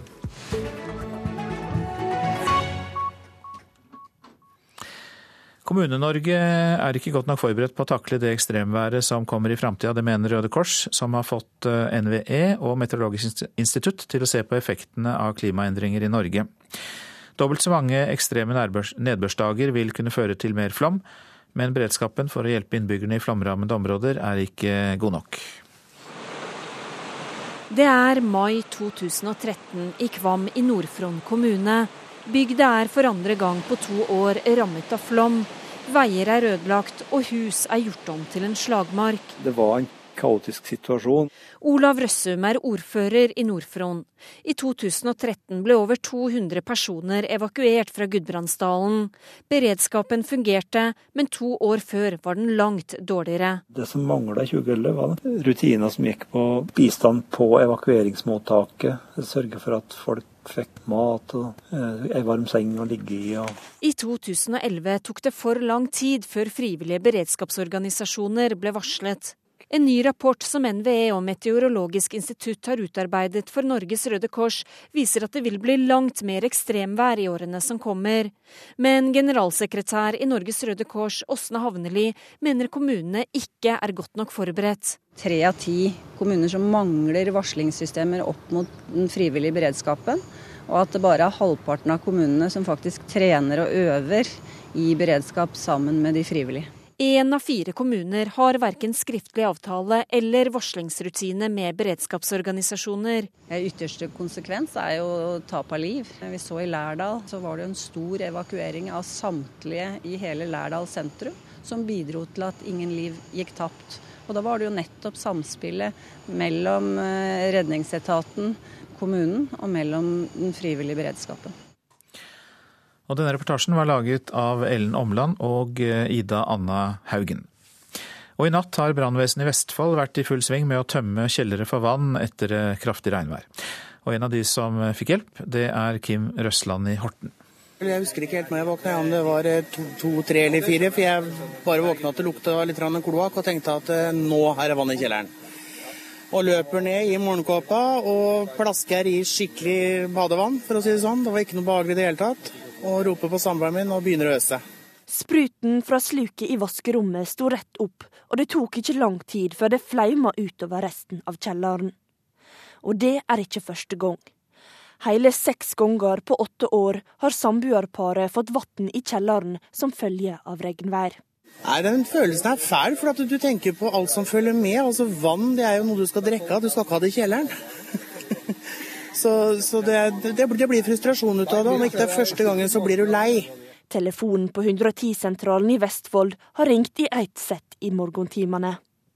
Det kraftige regnværet i natt har ført til at over 35 kjellere symer over av store mengder vann og kloakk. Brannmann Kjetil Bakkland har hjulpet mange fortvila huseiere med å pumpe vannet ut av kjellerne.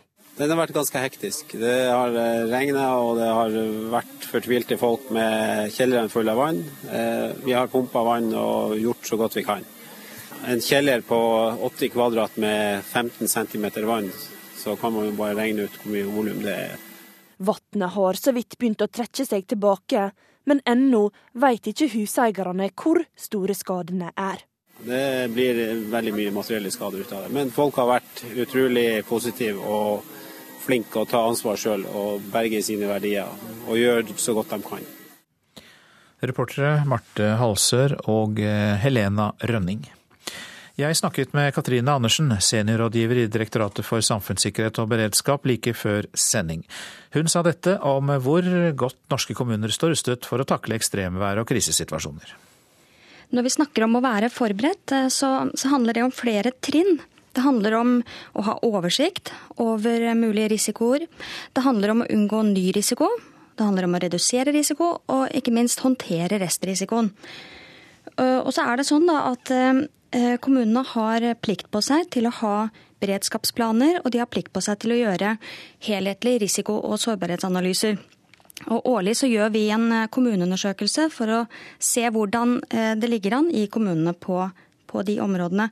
Og det vi ser, det er at kommunene svarer at de har eh, beredskapsplaner, og at de har gjort helhetlige risiko- og sårbarhetsanalyser. Men når vi går de analysene nærmere i sømmene, så ser vi at de har eh, noen mangler, bl.a. dette med fremtidige klimaendringer og mer ekstremvær. Hvorfor tror du de manglene er der? Har de ganske enkelt ikke tatt det alvorlig nok? De har nok det, men det kan jo oppleves som eh, eh, litt vanskelig. Eh, det er ofte forskere som snakker om klimaendringer. Så det å få en økt bevissthet rundt det, og at det ikke er så komplisert å få inn i planverket sitt, det er viktig. og Derfor er det veldig fint at også Røde Kors har bestilt denne ekstremværrapporten, som, som øker bevisstheten rundt temaet. Nå har vi jo snakket om kommunene hele tiden her, men det er vel også snakk om at de frivillige spiller en viktig rolle i denne beredskapen? De frivillige er en veldig viktig og nødvendig ressurs i kommunenes eh, beredskaps- og redningsarbeid. Det norske redningssystemet er helt avhengig av den eh, den innsatsen. Og de er høyt motiverte, og de har veldig ofte en lokal forankring. Og den lokalkunnskapen som de sitter på, er eh, veldig viktig. Men det vi ser, er at eh, flere kommuner, eller ganske mange kommuner, har ikke involvert andre relevante aktører inn i sitt planverk. Eh, eller øver sammen med dem eh, så ofte som vi skulle ønske. Vi tenker også at eh, andre relevante aktører, sånn som de frivillige organisasjonene, kan være med. Eh, ikke bare på selve håndteringsbiten, men også tidligere i prosessene. Nettopp fordi de har ressursoversikt og god lokalkunnskap da, som kan komme kommunene til nytte helt ifra oversiktsplanleggingen. Katrine Andersen fra Direktoratet for samfunnssikkerhet og beredskap. I formiddag møter lærerorganisasjonene og KS hverandre igjen hos Riksmekleren. Lærerne har ett svar på hva som må til før de kan akseptere en ny avtale. Og det er mer tillit til lærerne. Men hvordan skal de få tillit inn i en avtaletekst? Det er et vanskelig spørsmål. Ja, Det er nettopp det som er veldig vanskelig, og egentlig et veldig godt spørsmål. Det sier Tone Stangnes Gjerstad, leder i Utdanningsforbundet i Hedmark. I dag møter lærerne igjen KS hos Riksmekleren. Utdanningsforbundet har store utfordringer. Ei er hvordan de skal få tillit inn i en avtaletekst. NRK har snakka med alle fylkeslederne i Utdanningsforbundet, og flere medlemmer som var i opposisjon til forbundsledelsen i vår.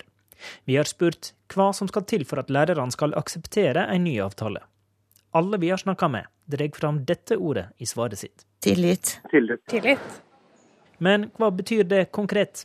Et punkt er åpenbart for de fleste. Punktet om bunnen arbeidstid på skolen 7,5 timer hver dag må bort. Her er Lisbeth Strikkert, fylkesleder i Sør-Trøndelag. Det er klart at et sånt punkt må helt ut og vekk. Men lederen i Utdanningsforbundet har samtidig sagt at dette dreier seg om mer enn de 7,5 timene.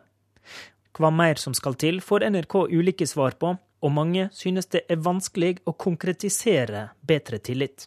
Ord i en tariffavtale skal jo tolkes. Det må synes på et eller annet vis, og vises på et eller annet vis, at lærerne sjøl kan forvalte tida si best. Sier lederen i Sør-Trøndelag.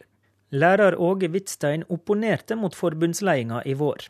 Han tror det er vanskelig for dem å vite hva som er godt nok for lærerne nå. Nei, det er et uh, godt spørsmål. Det er en vanskelig situasjon for dem. Reportere her, det var Håvard Grønli og Johan Settem. Og leder i Unio, Anders Folkestad, kan ikke si hvor lenge denne konflikten kommer til å vare.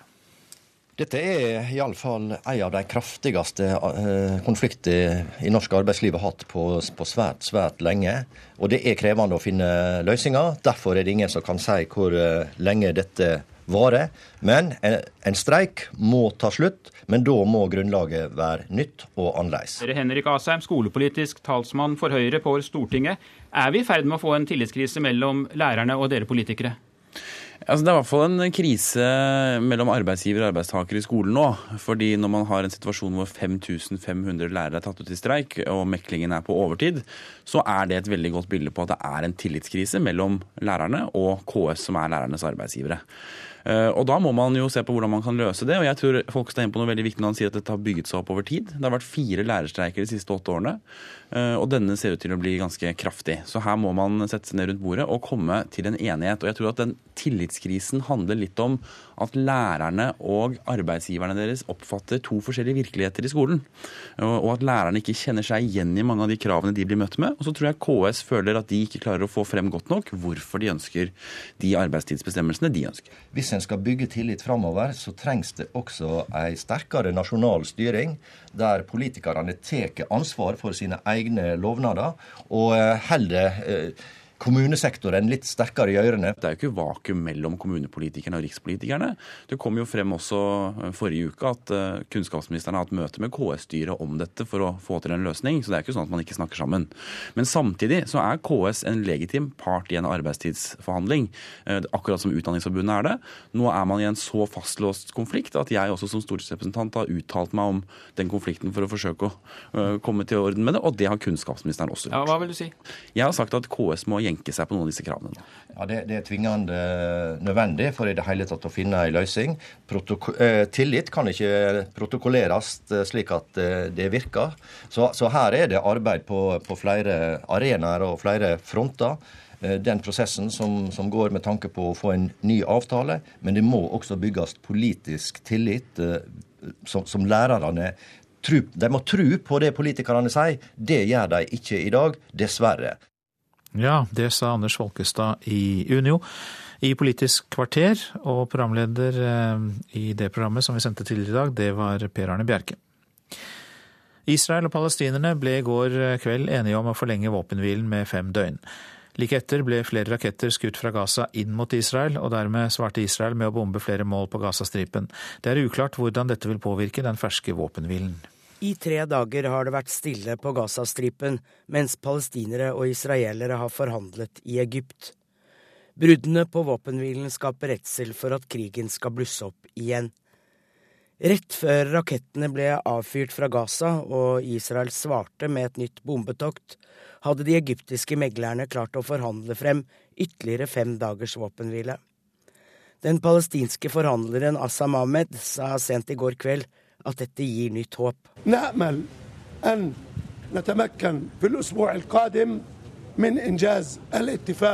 I ukene som kommer håper vi å kunne forhandle frem en avtale. En avtale som får støtte både i regionen og internasjonalt, sier den palestinske forhandleren Assam Ahmed. De vanskelige punktene i forhandlingene er ifølge ham å sikre Israels sikkerhet på den ene siden og heving av blokaden på Gazastripen på den andre. Men det var altså rett etter at avtalen om forlenget våpenhvile ble inngått at begge sider startet krigingen igjen. De neste dagene vil vise om den utvidede våpenhvilen holder, og om det kan være håp om en varig løsning. Anette Groth rapporterte. Drapsdømte Terje Vik må inn til ny soning etter å ha brutt reglene for prøveløslatelse flere ganger. Domstolen har bestemt at Vik må i fengsel igjen og sone over seks år, skriver Adresseavisen. Vik ble dømt til 21 år for giftdrap på samboeren Inger Lise Bakken for 14 år siden. Han ble prøveløslatt i fjor, men har latt være å komme til møter med kriminalomsorgen. Selv hevder han at han var for syk til å møte, men domstolene har avvist legeattesten. Over 8% av oss lider av såkalt arbeidsnarkomani. Det forteller en ny studie om hvordan nordmenn forholder seg til jobben, og det er de unge som er verst. Studien viser nemlig at unge, sosialt og kreative, har lettest for å bli for oppslukt av jobben. Altså, arbeidsdagene mine slutter aldri. Brand Barstein er 31 år og ansvarlig redaktør for musikkmagasinet Gaffa.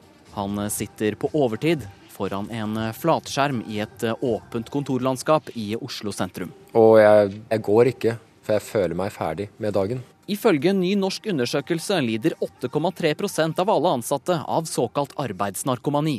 Det innebærer å ha et stabilt tvangsmessig overdrevet forhold til arbeid, sånn at de er ute av stand til å løsrive seg fra det. Cecilie Skau Andreassen er en av psykologene bak undersøkelsen.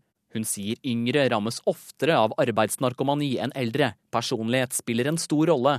Blant annet har mange i kreative yrker det vanskelig for å avslutte dagen. Det er frie yrker hvor muligheten for å jobbe hvor som helst når som helst, den type yrker. Studien konkluderer bl.a. med at de ansatte bør holde seg til den avtalte arbeidstiden. For Gaffa-redaktør Brand Barstein er det imidlertid lettere sagt enn gjort. Ofte sittet oppe og skrevet artikler sånn til klokken er to-tre om natta, om ikke lengre. Det er ikke sunt i lengden å gjøre det. Reporter her, det var Andreas Meyer Eide.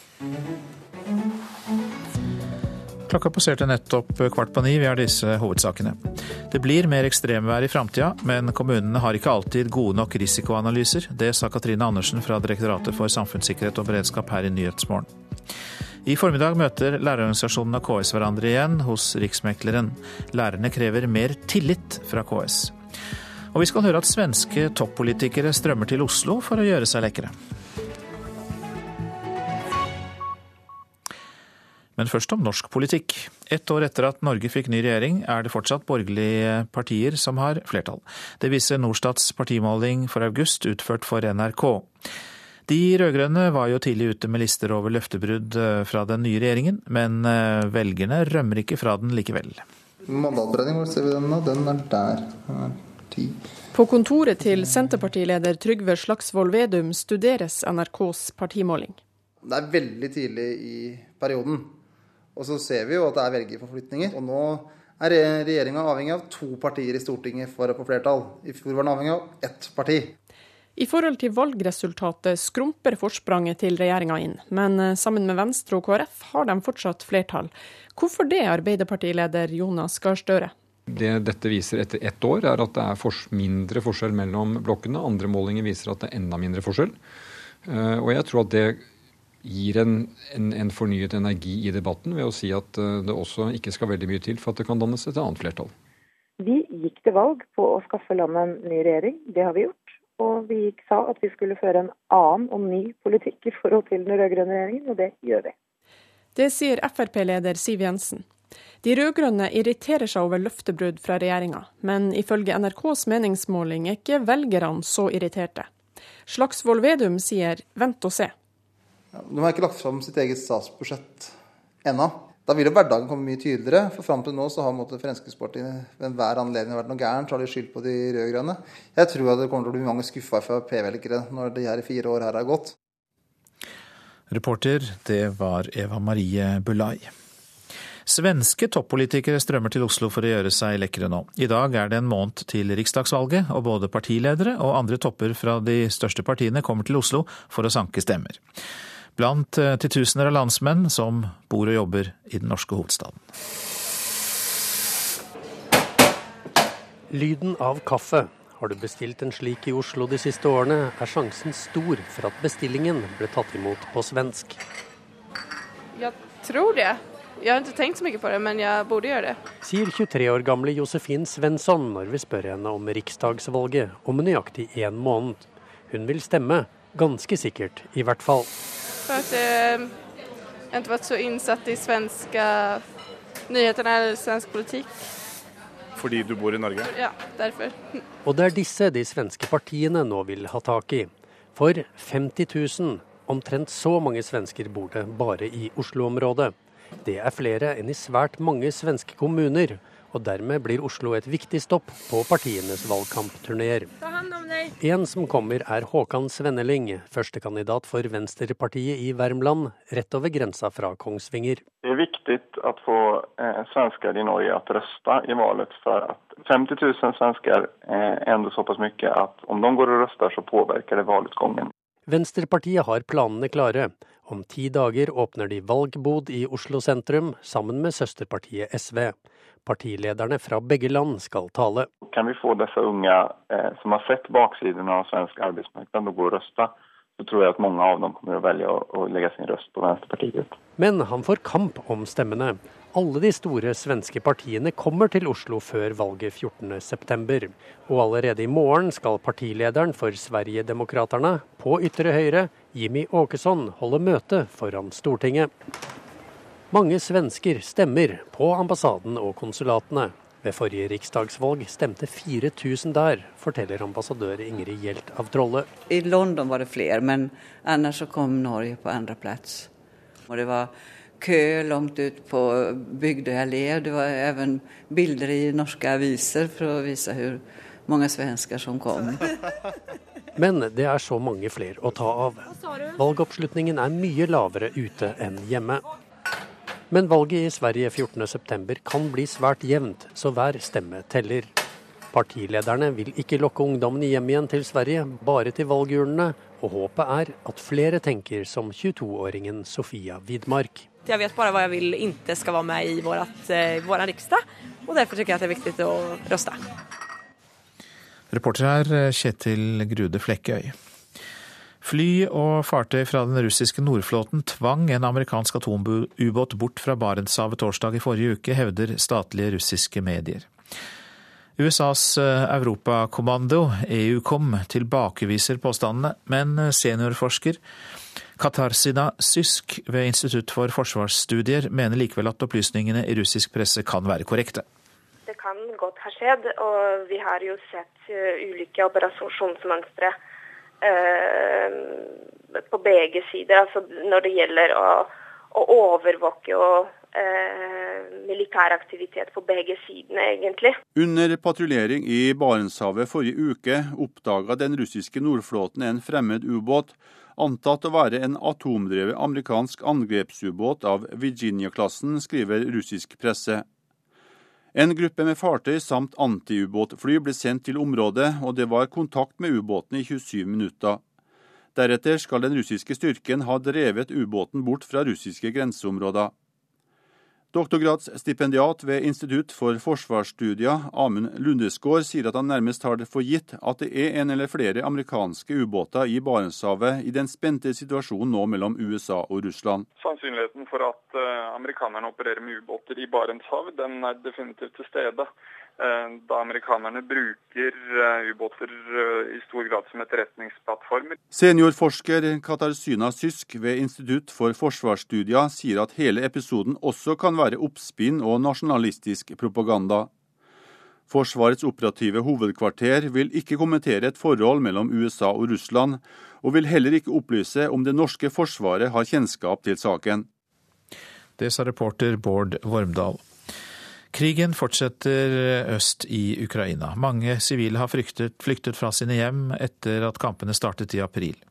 Men de siste ukene har ukrainske regjeringssoldater tatt tilbake flere byer fra opprørerne, og dermed kan noen av flyktningene vende hjem.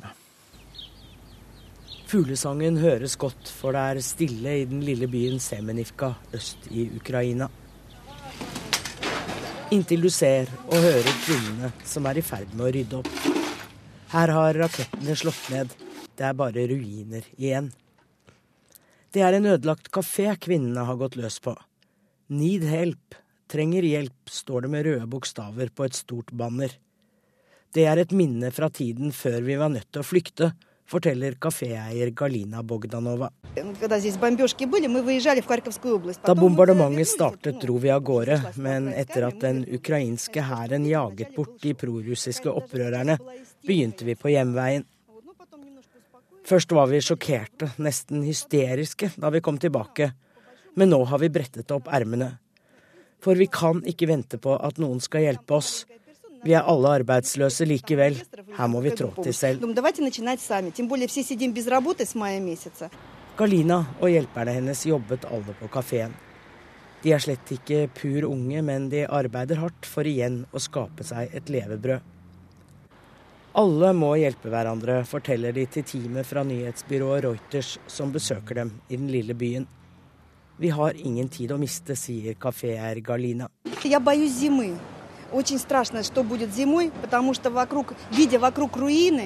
er redd for vinteren som kommer, for hva skjer da?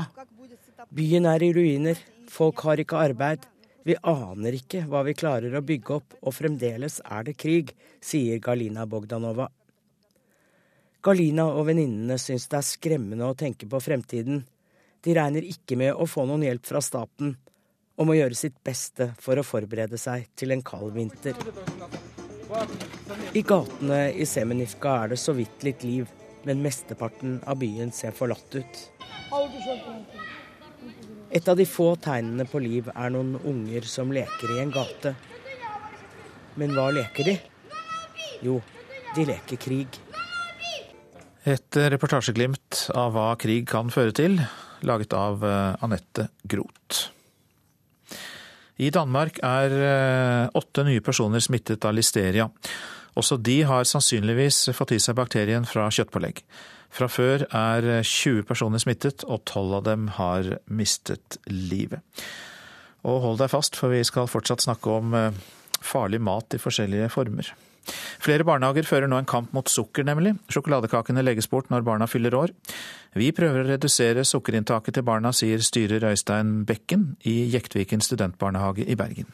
Med at vi går over til opplevelsesbasert bursdagsfeiring, vil det jo automatisk gå å redusere både forbruk og mengde sukker. Sier Øystein G. Bekken, styrer i Jekteviken studentbarnehage.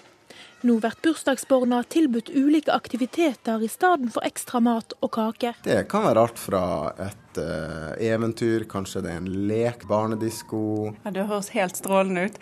Da har de fanget opp uh, dette problemet med at barn spiser for mye fett og sukker, og de har tatt det på alvor. Therese Knag er klinisk ernæringsfysiolog ved Haukeland universitetssykehus, og hun liker utviklinga.